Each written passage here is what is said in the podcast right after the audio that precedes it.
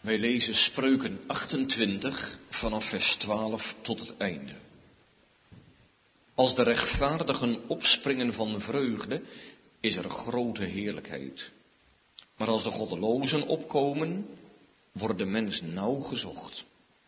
Die zijn overtredingen bedekt, zal niet voorspoedig zijn, maar die ze bekent en laat, zal barmhartigheid verkrijgen.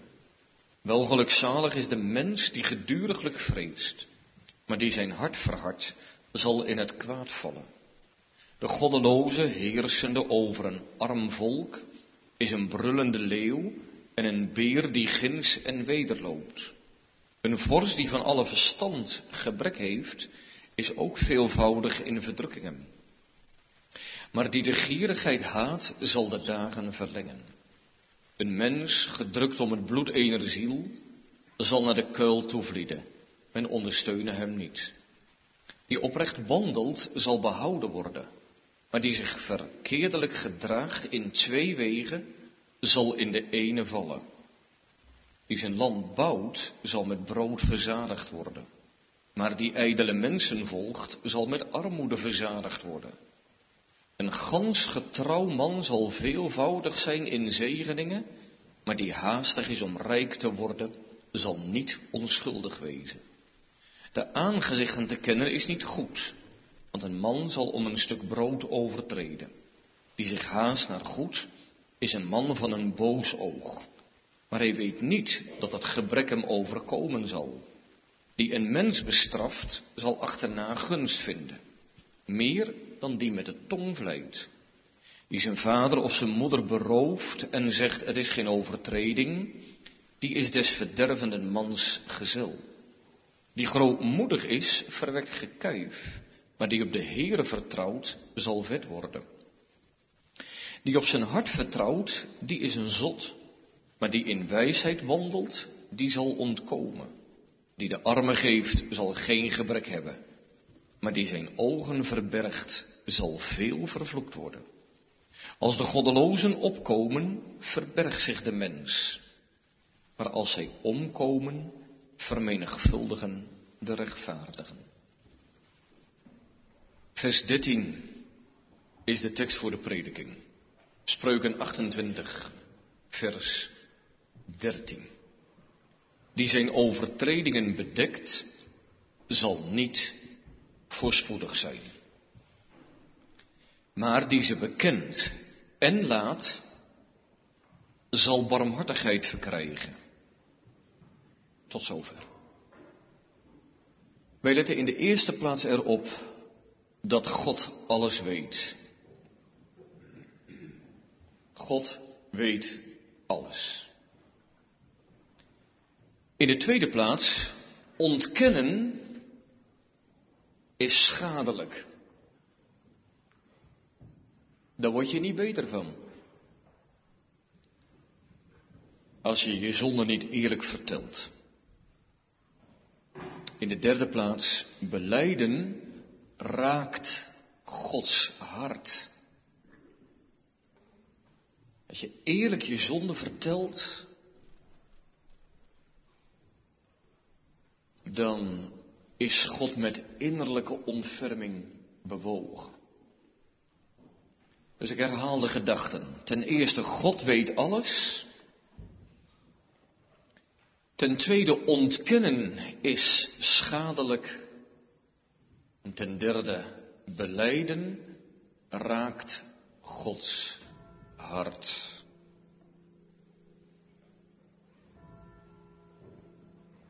Jezus roept zondaars tot bekering.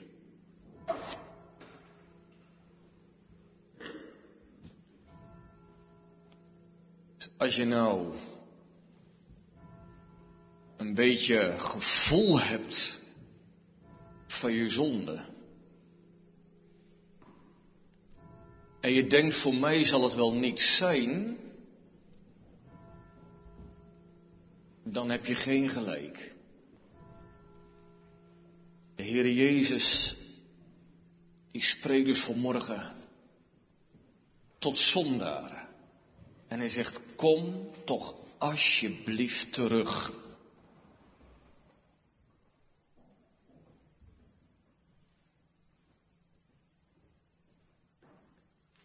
Dus het is veel beter om vanmorgen zondaar te zijn eerlijk toe te geven,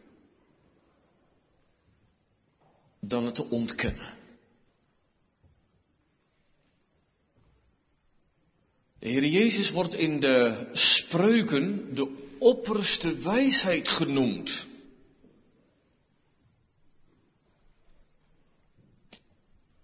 Dus als ik het zo mag zeggen, hij weet waar hij vanmorgen mee bezig is. Want hij is veel wijzer dan wij allemaal met elkaar.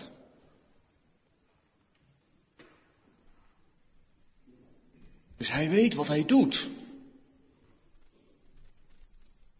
Als hij tegen zondaren zegt, kom alsjeblieft terug. Hij weet wat hij doet. In hoofdstuk 1, 8 en 9 van Spreuken klinkt die roep van de opperste wijsheid om terug te keren tot Hem. Als je thuis die hoofdstukken naleest, dan, dan zie je dat de Heer Jezus dat niet s'nachts doet. En dan slaap je. Ik heb niks gehoord vannacht. Hij doet dat niet stiekem in het verborgene. Is echt helemaal aan mij voorbij gegaan. Nee, maar overdags. Nu. In het openbaar. In het openbaar. Dus hij zoekt geen schuilhoek, want de, de waarheid hoeft geen schuilhoek te zoeken. Maar hij spreekt vrij uit. Zodat iedereen het kan horen. En iedereen het ook kan begrijpen. En dan moet je horen wat hij zegt. Hij zegt, wie is slecht?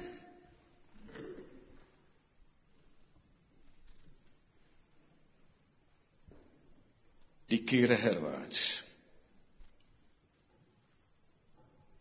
Wie is slecht vanmorgen?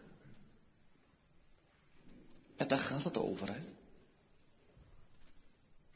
Of je eerlijk zegt ja.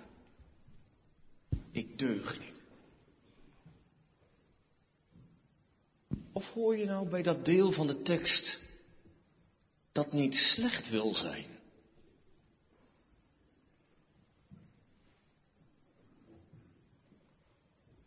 Wie is slecht? Nou, wie heeft er nu een verknoeid, verzondigd leven achter zich liggen? Wie zegt nou vanmorgen eerlijk in zijn geweten, ik had het anders moeten doen. Ik heb het fout gedaan.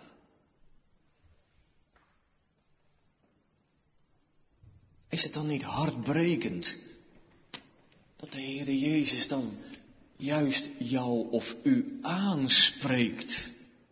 Is slecht? In het openbaar. Hij keren zich herwaarts. De Heer Jezus zegt het zelf. Ik ben niet gekomen om rechtvaardigen te roepen. Mensen die dus in eigen oog rechtvaardig zijn. Hij zegt, ik ben juist gekomen om zondaars te roepen. Kom alsjeblieft. Met je verknoeide leven. Kom alsjeblieft met alles wat je verkeerd gedaan hebt. In het openbaar. En nog een keer, hij weet wat hij doet. Maar hij is wijzer dan wij met z'n allen bij elkaar zijn. Nou, de Heer Jezus roept zondaars. En nu is er tweeërlei reactie. Er zijn mensen die zeggen, ja, ik heb niks verkeerds gedaan. En er zijn mensen die komen en die eerlijk vertellen dat ze allemaal verkeerd gedaan hebben. En terwijl ze dat eerlijk vertellen, hebben ze ook een voornemen in hun hart om dat niet meer te doen. Ze willen de zonde niet meer doen. Dus vanmorgen reageert de een op de roep van de Heere Jezus. Door zijn zonde te bedekken. Niks verkeerds gedaan. En de ander door de zonde te beleiden. Eerlijk te vertellen. Wat er misgegaan is, wat er niet deugt. Maar laten we nu eerst de tekst bekijken tegen de achtergrond van dat God alles weet. Dat is ons eerste aandachtspunt. God weet alles.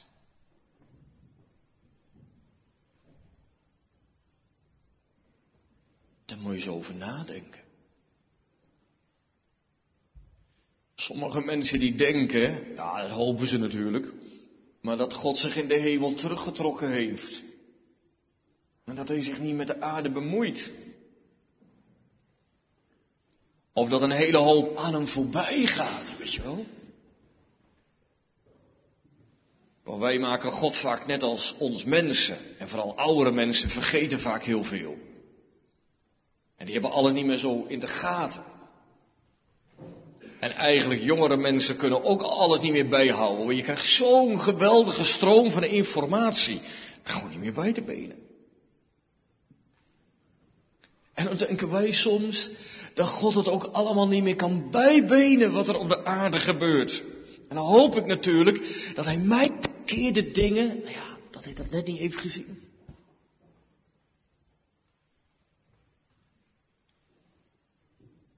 Maar je weet wel beter, hè? God weet alles. God ziet alles. God hoort alles. En hij vergeet helemaal niks. God vergeet helemaal niks. Hij vergeet niet je verkeerde gedachten, je verkeerde woorden, je verkeerde daden. Hij weet alles. En hij onthoudt alles. Dus laat niemand denken dat God werkeloos in de hemel zit. Nee. Hij, hij is helemaal betrokken op zijn schepping. Hij is betrokken op alle mensen. Op alles wat er gebeurt. Ik lees zelfs in de Bijbel dat er een gedenkboek voor zijn aangezicht is. Daar staat alles in. En dat is ook heel menselijk gesproken, maar ja, God bladert in dat boek en hij leest in dat boek. Hij houdt het heel keurig, netjes allemaal bij. Zo nauwkeurig dat hij het niet vergeet. Er is geen schepsel onzichtbaar voor hem. Dat is duizelingwekkend hè, als je daarover nadenkt. Hè. Al die miljarden mensen op deze wereld en die er al geweest zijn en die nog geboren zullen worden. En een God die, die houdt het allemaal keurig in de gaten van wat ieder mens doet. Ik moet s'avonds soms zelfs nog echt nadenken. Wat heb ik nou fout gedaan vandaag? Want je vergeet al ook weer heel veel dingen. Maar daar hoeft God niet over na te denken. Hij weet dat heel scherp. Hij onthoudt dat ook allemaal heel scherp. En God weet niet alleen de dingen die wij verkeerd hebben gedaan in het openbaar.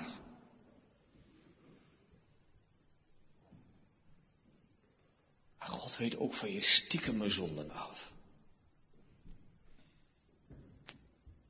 Die zonden die mannen voor hun vrouwen verbergen. En die kinderen voor hun ouders verbergen. En die leerlingen voor hun docenten verbergen. En die misschien wel broers voor elkaar verbergen. Die dingen waarvan je denkt, niemand weet het. God wel.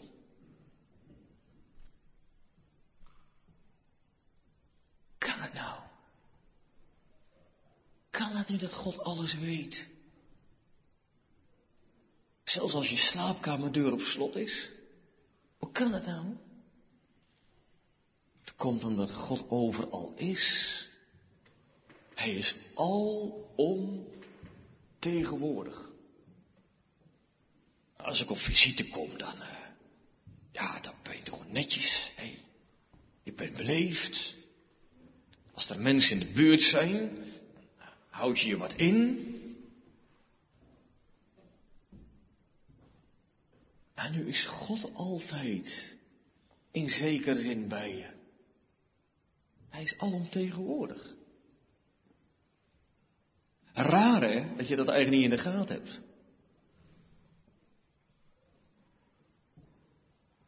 Nog een keer, als de, als visite komt, dan zie je dat toch. Dan zeg je niet alles. Doe je niet alles. Je houdt je fatsoen. Maar hoe komt het nu dat we niet in de gaten hebben dat God er altijd en overal is? Maar dan zou je toch ook zeggen, nou ja, als je voor mensen je fatsoen al houdt, dan zou je toch zeker voor de Heer je fatsoen houden.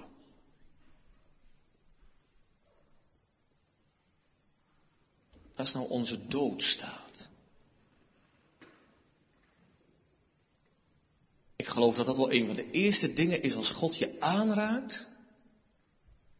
Dat je inderdaad te maken krijgt met Gods alomtegenwoordigheid.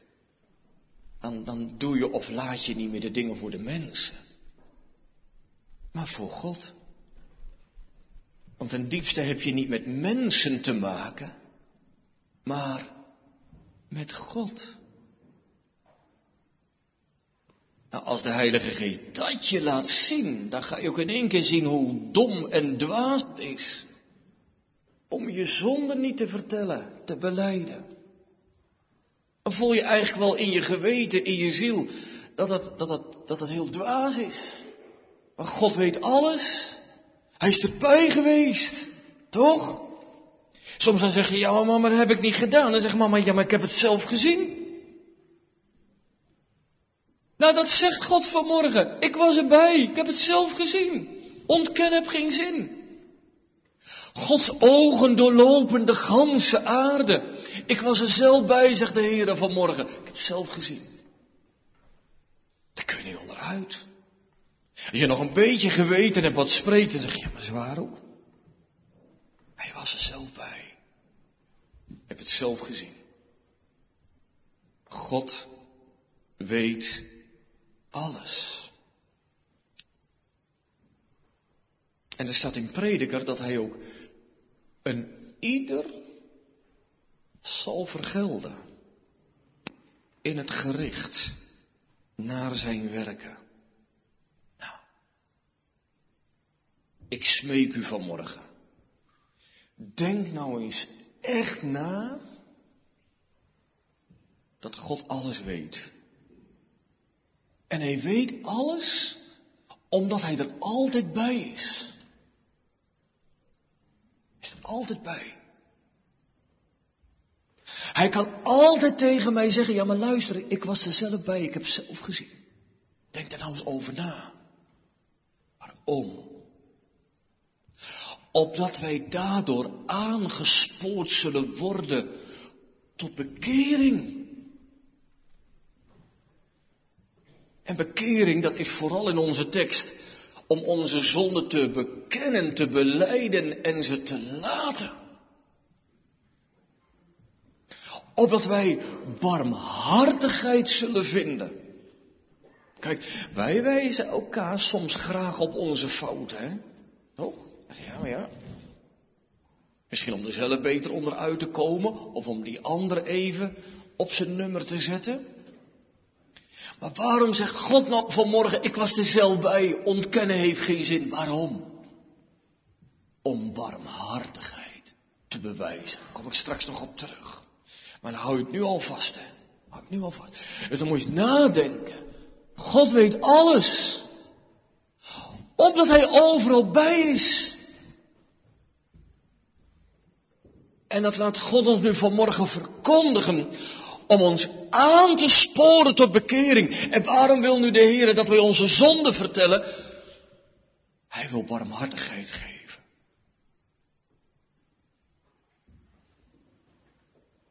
Dat raakt Gods hart als wij onze zonde aan Hem vertellen. Of zoals het op een andere plaats staat, Hij wil graag vergeven. Graag vergeven. Ik heb vaak onedele motieven, maar de Heere niet. Dat is toch wat. De Heer zegt, vertel ze nou aan mij. Ik weet het toch. Vertel me nou aan mij.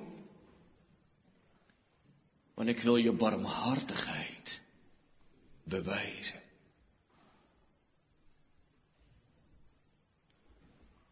Laten we ook dit onthouden. Niemand heeft zo'n grote afkeer van de zonde dan God. Hij is de rein van ogen, omdat hij het kwade zou kunnen zien. Dat een afkeer van vrees. Zouden wij er dan met smaak naar kunnen kijken? Wij leven in een beeldcultuur. Zouden wij er dan met smaak naar kunnen? God doet zo vreselijk. Afschuwelijk zonde. God is de rein. Wat ben ik dan onrein en wat ben ik dan bezoedeld? Wat ben ik dan vuil? Wat ben ik dan vies? Als ik, als ik nog met vermaak naar de zonde kan kijken en als ik er nog om kan lachen, ja, dat ben ik. En dan zegt de opperste wijsheid, kom dan alsjeblieft naar mij toe. Wat? Wat? Wil de Heer Jezus zulke vuile zondaren vanmorgen? Ja, zeker weten. Absoluut. Ik zeg het gewoon nog een keer, hè. Opdat het ons zal raken, hoop ik. God die kan niet naar de zonde kijken, zegt dat is afschuwelijk. Dat is afzichtelijk. Je wendt je gewoon af. En ik, ik ben zo vuil, ik ben zo bezoedeld, dat ik er nog vermaking kan hebben. Niet ontkennen, dat heeft geen zin. Ontkennen is schadelijk. En dan zegt de Heer Jezus vanmorgen tegen zulke mensen, kom alsjeblieft bij mij. Heb je ooit zo'n woord gehoord in je leven? Kom alsjeblieft bij mij. We gaan naar ons tweede aandachtspunt. Ontkennen schadelijk. Dus wij lezen de tekst vanmorgen tegen de achtergrond dat God alles weet. Kinderen, waarom weet God ook alweer alles? Hij is er altijd bij. Hij is overal. En dan ons tweede aandachtspunt. Ontkennen is schadelijk.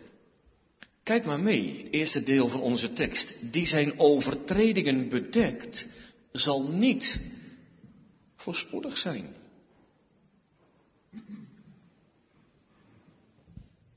Nou, je ziet wel, in een aardse rechtszaak gaat het meestal anders.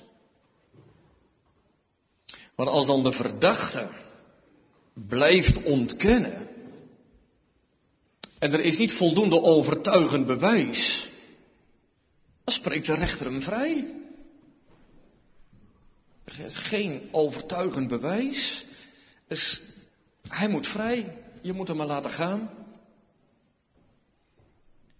Dus dat ligt voor de hand dat je, dat je ontkent, hè? Want je denkt, als ik ontken, en als er geen, geen bewijs is, ja, dan ben ik vrij.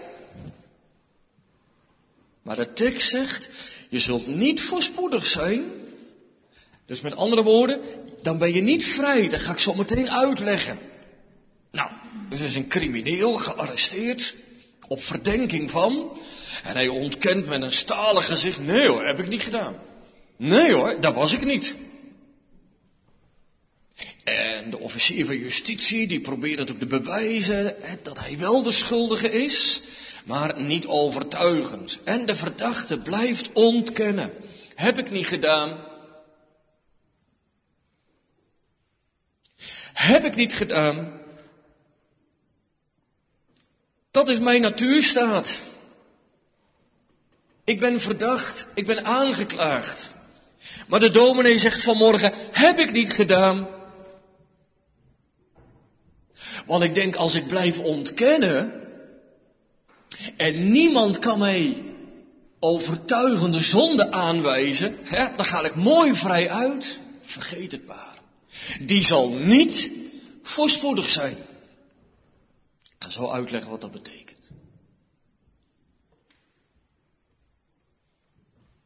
Zo gaat het er op deze aarde aan toe. Maar de hemelse rechtbank is heel anders. Als je ze bekent, eerlijk vertelt, dan spreekt de Heer je vrij. Dus, een aartsrechter die zegt, ja, het is niet voldoende bewijs, de verdachte ontkent, nou ja, dan moet hij maar naar huis, we kunnen niks. De hemelse rechter die zegt vanmorgen, als je ze eerlijk vertelt, dan spreek ik je vrij. Als je ze eerlijk vertelt, dan vergeef ik al je zonden. Moet je wel eerlijk zijn. Moet je wel eerlijk vertellen. Dus je ziet dat het er in de hemelse rechtbank heel anders aan toe gaat dan in een aardse rechtbank. Die zijn overtredingen bedekt. Wat betekent dat woordje overtredingen eigenlijk? Het Hebreeuwse woordje betekent dat je over een grens gaat. Je bent te ver gegaan. Je bent over een grens gegaan.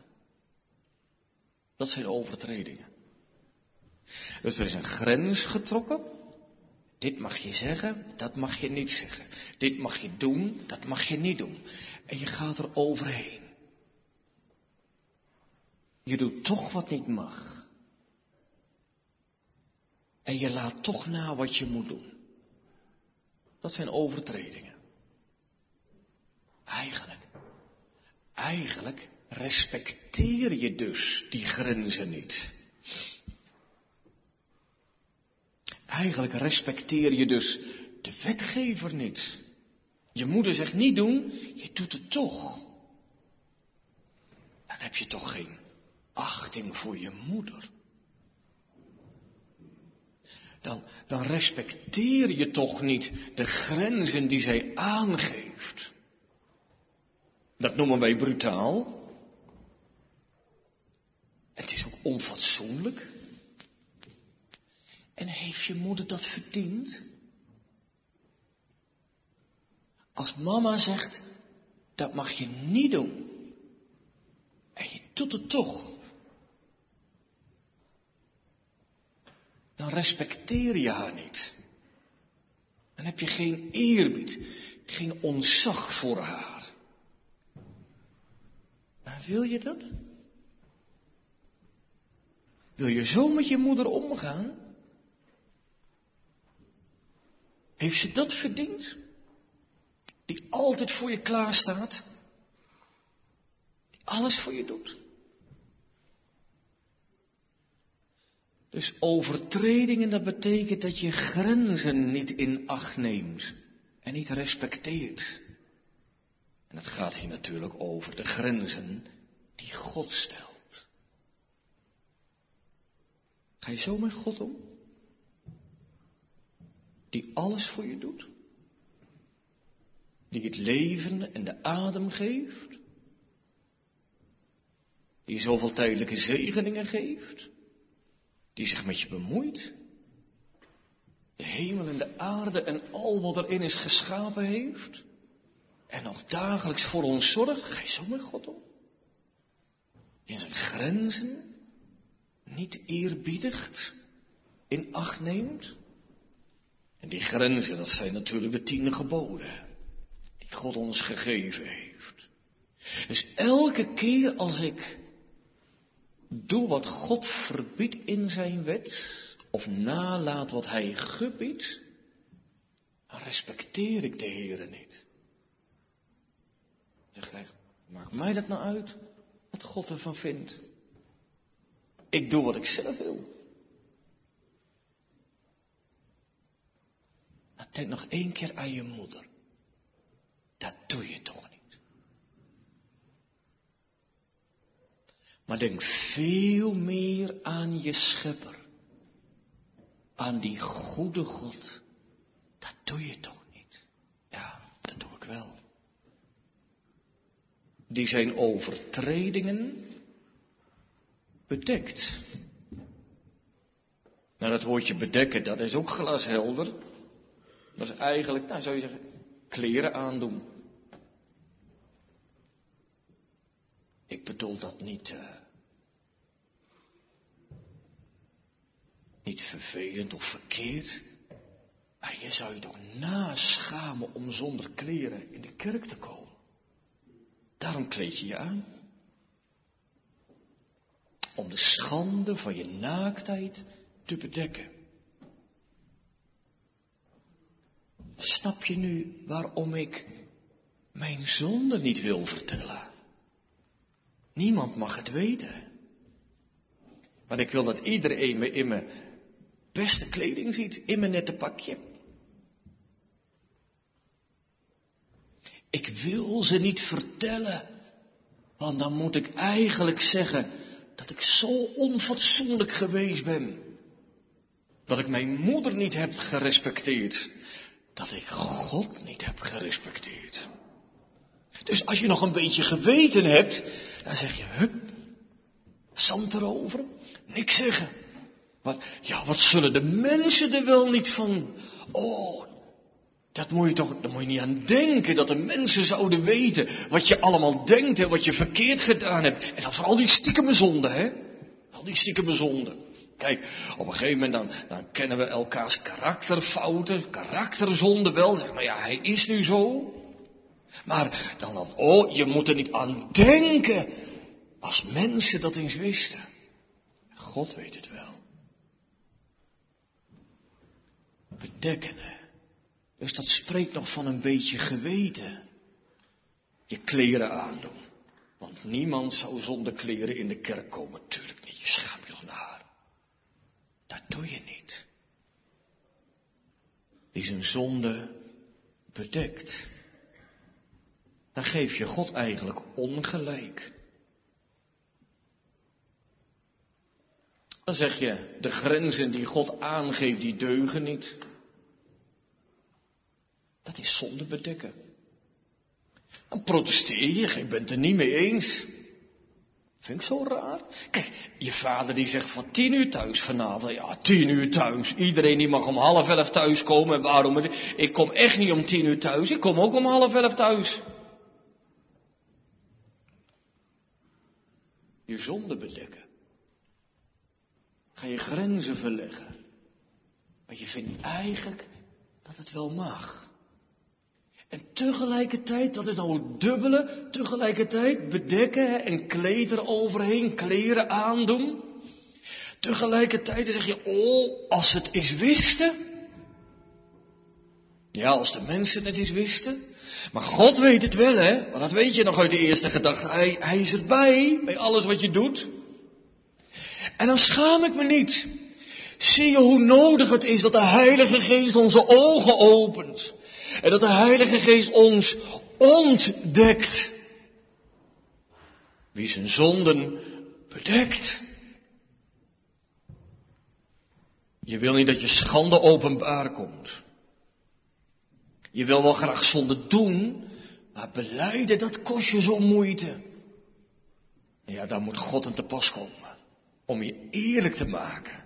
En je zonde eerlijk te bedekken. Mag je dan geen zonde bedekken? Ja, zeker mag dat.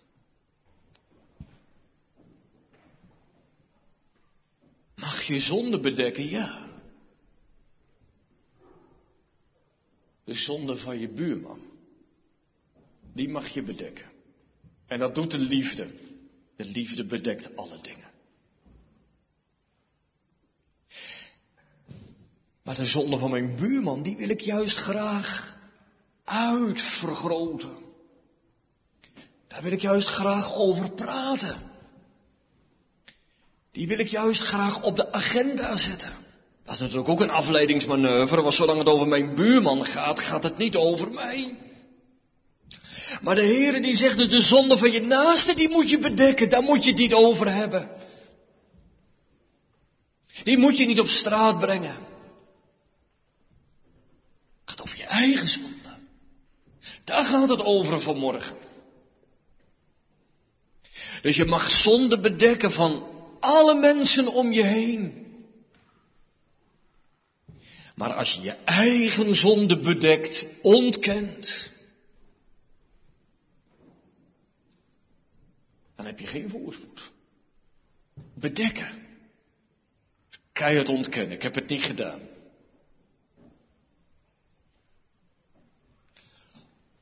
Of verkleinen.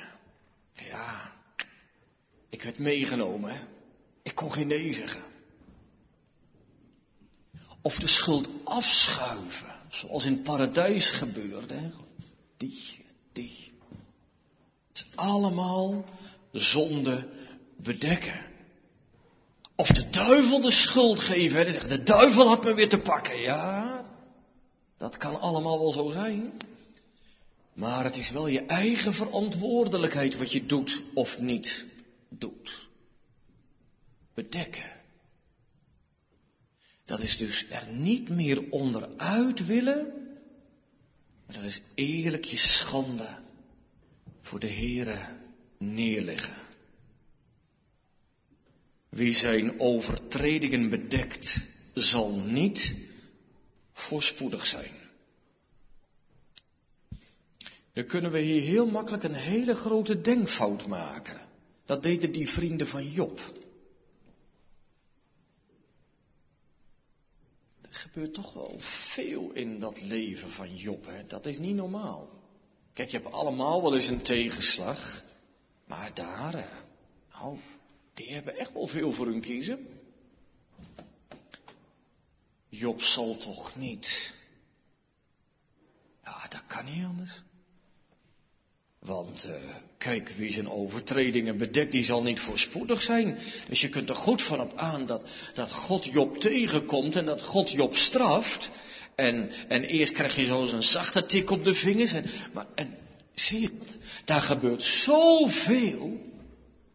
Dat kan niet anders of Job is een huigelaar. Job is onoprecht. Job die, net als, als Agan hè. Agan die had van het verbannene gestolen, dat had hij verstopt onder zijn tent, zodat niemand het zag. En God zag het wel. Daar moet je voor oppassen. Want de Bijbel die laat mij ook zien dat voorspoed lang altijd geen zegen is. Dat we vet gemaakt kunnen worden voor de dag der slachting. Dat betekent, de Heer kan je soms loslaten, dat je zoveel tijdelijke voorspoed krijgt, dat je niet meer aan je ziel denkt. En dan ineens sta je voor Gods rechterstoel. Dat kan ook. Dat God zich niet meer met je bemoeit. En terwijl Hebreeën 12 laat zien dat de Heer een iegelijk zoon die hij aanneemt, kastijdt, er zelfs. Nou, dat is, dat is pijnlijk. Dus pas op. Dat wij dat niet gaan invullen. Weer voor die ander, hè. Weet je wel? Wij zijn zo graag bezig met die ander om zelf buiten schot te blijven. Jazeker, zeker is het goed om in het verborgene te vragen waarom God die tegenheden mij in zulke mate zond. Zeker, dat heb Job ook gedaan, heb geworsteld. Om tot op zekere hoogte zijn oprechtheid te beleiden voor de Heer. En later bleek het ook wel dat hij voorbeden moest doen voor die vrienden, omdat die vrienden er helemaal naast zaten. Helemaal ernaast.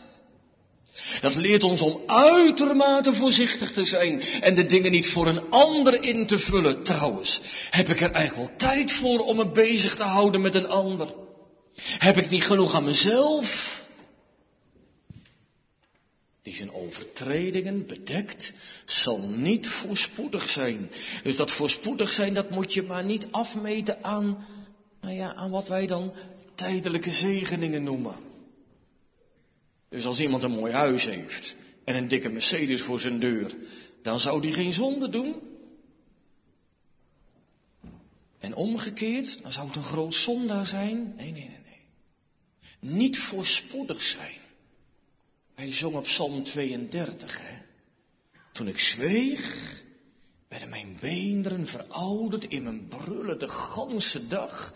Op Psalm 32 heeft, heeft mij dat geweten te maken. David zegt, uw hand was dag en nacht zwaar op mij. Dat is niet voorspoedig zijn.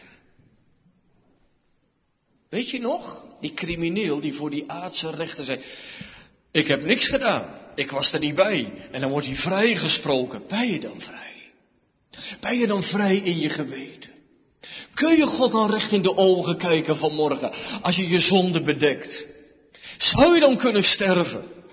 Zou je dan voor die hemelse rechtbank durven staan en zeggen, Heer, u weet alle dingen. Petrus, Petrus kon het.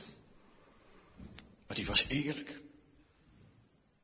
Kijk, niet voorspoedig zijn, dat betekent heel eenvoudig dat je vanmorgen niet kunt sterven. Want het zit niet goed. Wat God in je zien. Weet je wat voorspoed is?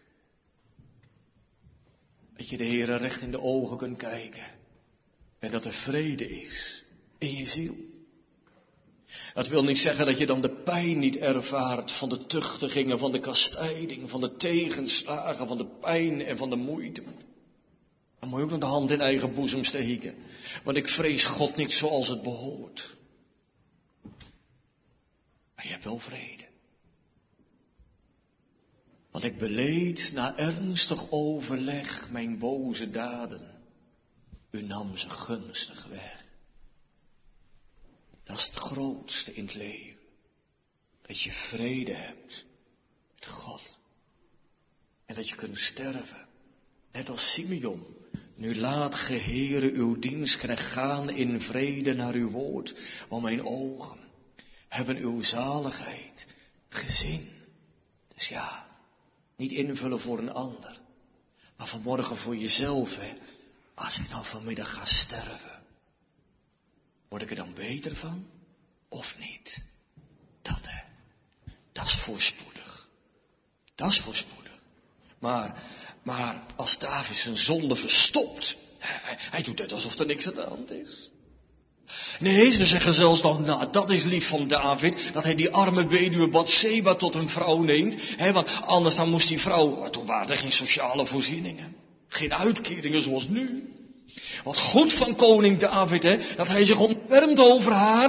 En dan spreekt iedereen goed over de man naar Gods hart, maar de Heere niet. De Heere drukt op Davids geweten. Niet voorspoedig. Geen vrede. Dat is het. Ons laatste aandachtspunt. Beleiden raakt Gods hart. Kijk maar in onze tekst. Maar die ze bekent en laat, zal barmhartigheid verkrijgen. Die ze bekent. Dus niet camoufleert. Waarom wil de Heer nou eigenlijk dat wij onze zonde aan Hem vertellen, terwijl Hij toch alles weet?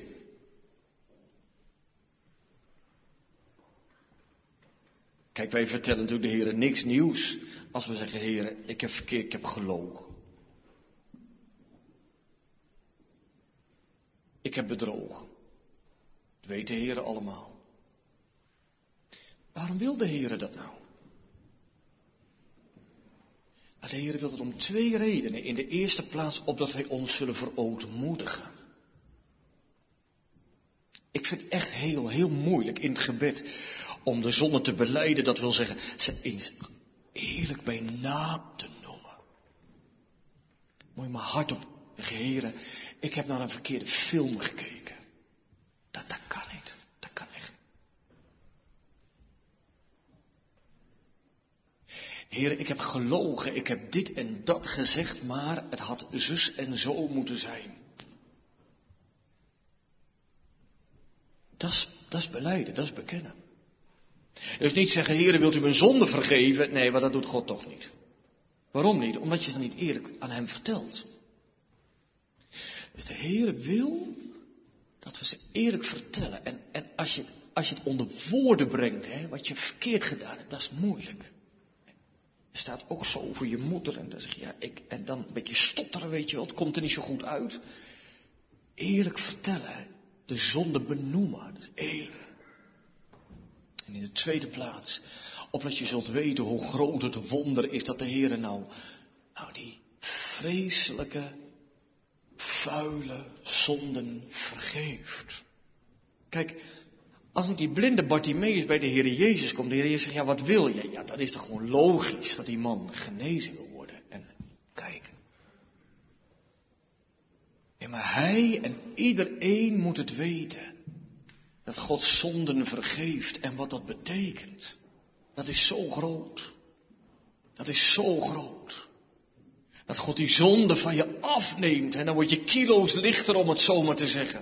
Is toch zo? Als je het eerlijk vertelt, dan, dan ben je toch opgelucht in je geweten. Dan kun je weer je moeder recht in de ogen kijken. Maar weet je, als ze lekker gekookt heeft en er zit wat tussen, dan eet je eigenlijk gewoon met lange tanden. Want dan denk je, ja, zij doet zo goed voor mij en, en ik heb zo tegen haar gedaan. En dat is ook zo tegen de heren. Maar als je ze beleidt, dan ben je opgelucht. Dan is het hoge woord eruit. Maar daarom wil de Heer dat we ze eerlijk bekennen. Dus eerlijk bij namen noemen. Niet vanavond zeggen, Heer, wilt u mijn zonde vergeven? Dat is gewoon waardeloos. En noem maar twee of drie. En dan echt met woorden duidelijk omschrijven. En niet omdat je er trots op bent, want zodra je het uitspreekt, dan gaat je stem naar beneden. Dan word je zachter, want je gaat je schamen. Ik denk, hoe heb ik het kunnen doen? Heb ik het kunnen doen? Je durft de Heer niet recht in de ogen te kijken. Je hebt er verdriet over. Dat was de Heer niet waard. Waarom heb ik dat nog toch gedaan? Waarom ben ik nog toch zo dom en zo dwaas geweest? Maar wie ze bekent, is bekend. Moet je nou ook alle zonden tegen de mensen vertellen? Daar kun je soms mee zitten. Nee, dat hoeft niet. Als, als andere mensen je niet hebben zien zondigen, hoef je het ook niet tegen die mensen te vertellen. Dat zou niet eens stichten. Dat zou niet eens goed zijn. Want beleidenis voor mensen dient ervoor om ergernis weg te nemen bij die mens. Maar als ze je niet hebben zien zondigen, dan uh, ergeren ze zich daar ook niet aan. Dat kan niet. En dan hoef je dus ook niet te vertellen. Dus de zonde die je in het verborgen hebt gedaan, daar was alleen de Heer bij. En dan vertel je het ook alleen tegen de Heer. En als er ook mensen bij waren, dan vertel je het ook tegen de mensen. Maar soms kan de duivel je wel zo bespringen. Dan, dan, dan, heb je ze wel eerlijk aan de heren verteld. Zeggen, heren, ik zou eigenlijk niet goed weten wat ik nog meer moet vertellen en beleiden. En, en dat je toch nog ergens, ja, benauwd bent in je geweten. En dan kan het gerust helpen dat je toch ook tegen een goede vriend vertelt. Of tegen een ambtsdrager die je vertrouwt. Biechten is, is nog niet helemaal verkeerd, als je er maar niet de verkeerde kant mee omgaat. Want soms kan het ook zijn als je een zonde vertelt die je in het verborgen hebt gedaan of wat voor jou echt, echt een valstrik is. Waar je niet uit kunt komen. Dat je het ook deelt met iemand anders, met een mens, opdat die cirkel doorbroken zal worden. En dat zo je zonde beleden worden voor God en voor de mens. Als wij ze dus zo beleiden, bekennen, dan zullen we barmhartigheid verkrijgen. Dat is dus een belofte die God erbij doet. Is wat hè. Daar moet je ook eens over nadenken. God zegt, vertel ze nou hè. Dus de Heer Jezus die zegt, kom nou alsjeblieft bij mij. Hè? En vertel ze nou alsjeblieft aan mij. 2 Korinthe 5, hij smeekt, hij ligt op zijn knieën. Kom nou alsjeblieft bij mij. En ik zal je barmhartigheid geven. Dus blijkbaar raakt dat Gods hart. En niet blijkbaar, dat is, dat staat zwart op wit. Dan moet je maar denken aan die gelijkenis van die verloren zoon. Kijk, daar komt hij aan. Die vader die kijkt. Raakt zijn hart. Daar komt hij. Daar heb ik zo naar uitgezien. Hè. Daar heeft die vader zo naar uitgezien. Wat denk je? Zou die niet van vreugde opgesprongen zijn? Daar is hij. Hij herkende hem van verre. Hij viel om zijn hals. Hij kuste hem. Dat hè. Dat is barmhartigheid verkrijgen. Die vader die redt me geen woord over wat die jongen hem allemaal aangedaan heeft. Hij is zo blij. Die jongen er aankomt. En dan heeft hij nog niks gezegd. Want het feit dat die jongen terugkomt, dat spreekt voor die vader al genoeg. Dan hoeven er eigenlijk niet eens woorden bij te komen. Maar God ziet het hart aan. Dus nog een keer, hè. Die vader die stond daar maar te kijken. Nee, nee, maar daar komt hij. Warmhartigheid verkrijgen. Daar, daar ligt niks tussen, om het zomaar te zeggen, van die kant van die vader. De weg is open. En als die jongen er is, dan omhelst die vader hem en kust hem. Warmhartigheid verkrijgen. Een brandend hart. Het hart dat komt in beweging. Geraakt. Geraakt. Als je God teer wil hebben gemeente. Als je God teer wil hebben. Dan moet je eerlijk vertellen. Wat je fout gedaan hebt. Eerlijk benoemen. Fout gedaan. dan voel je als het ware de tranen van de liefde van Christus op je druppen. Zo stel ik hem nog voor, die jongen die ligt er op zijn knieën. Vader omhelst. En hij voelt. Tranen van zijn vader op zijn gezicht. Warmhartigheid verkrijgen. Er staat nog wel één woordje bij, gemeente. En laat. En laat. Wat betekent dat? En laat. Want ik weet zeker dat er vanmorgen mensen zijn die zeggen ja, en laat. Is mijn beleidenis niet oprecht. Maar als je genade kent, dan weet je wel je zwakke momenten. En dan weet je dat je elke dag weer struikelt. En laat staat er. Kon ik het maar laten? Kon ik maar oprecht voor de Heere leven? Want hoe meer genade, hoe meer zonde je ziet. Kon ik maar zonder zonde leven. Want als je grootste verdriet, dat is je diepste pijn. En nu staat er en laat. Maar ik kan ze niet laten. Elke keer struikel ik weer. Elke keer val ik weer. Elk... Dat zal het wel niet waar zijn. En de duivel springt er bovenop. Ja, ja, ja, ja, ja. Jij maar mooi praten over die barmhartige God. Hè. Jij maar mooi praten over die lieve God. Gelooft er toch niks van. Moet je zien, daar en daar weer. En daar weer. En daar weer. De zonde weer als een berg voor ogen geschilderd. En laat staat er. Ja, de duivel kent de Bijbel ook. Prima. En laat.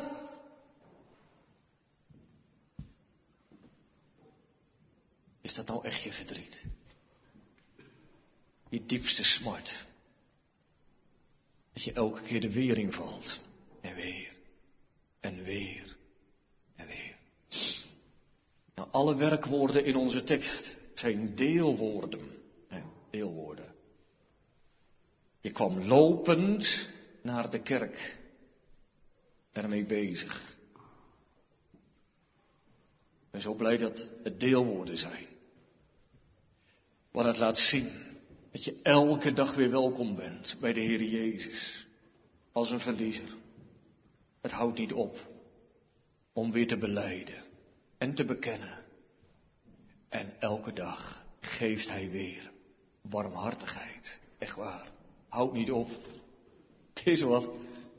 Keerzijde ook, hè, als je het niet doet. word je steeds harder. Steeds harder. Maar dit is evangelie. Elke dag. Want ik blijf zondaar. Maar wat een grote genade. Als je bedelaar blijft. En laat. Nee, je wil ze niet. Nee. In je hart heb je afscheid genomen. Je haat de zonde. Omdat je weet dat je God er verdriet mee doet. Maar dat je diepe verdriet. Houd je een bloedend hart over in het leven van de heiliging. En laat. En laat. Toch komt er een dag. Dan houdt dat deelwoord op. Als je sterft. Dan hoef je nooit meer te zondigen. En dan zul je eeuwig delen in de barmhartigheid. Ezwaarde. Als, als we straks eeuwig dat vaderhart zien. Kloppen. Eeuwige liefde. En dat voor zo'n vuile zondaar. We gaan eindigen gemeente. Ik zeg nog één zinnetje. En dat is neem Salomo's raad ter harte vanmorgen. En je zult de vergevingsgezindheid van de Heere ervaren. Dan weet. Amen.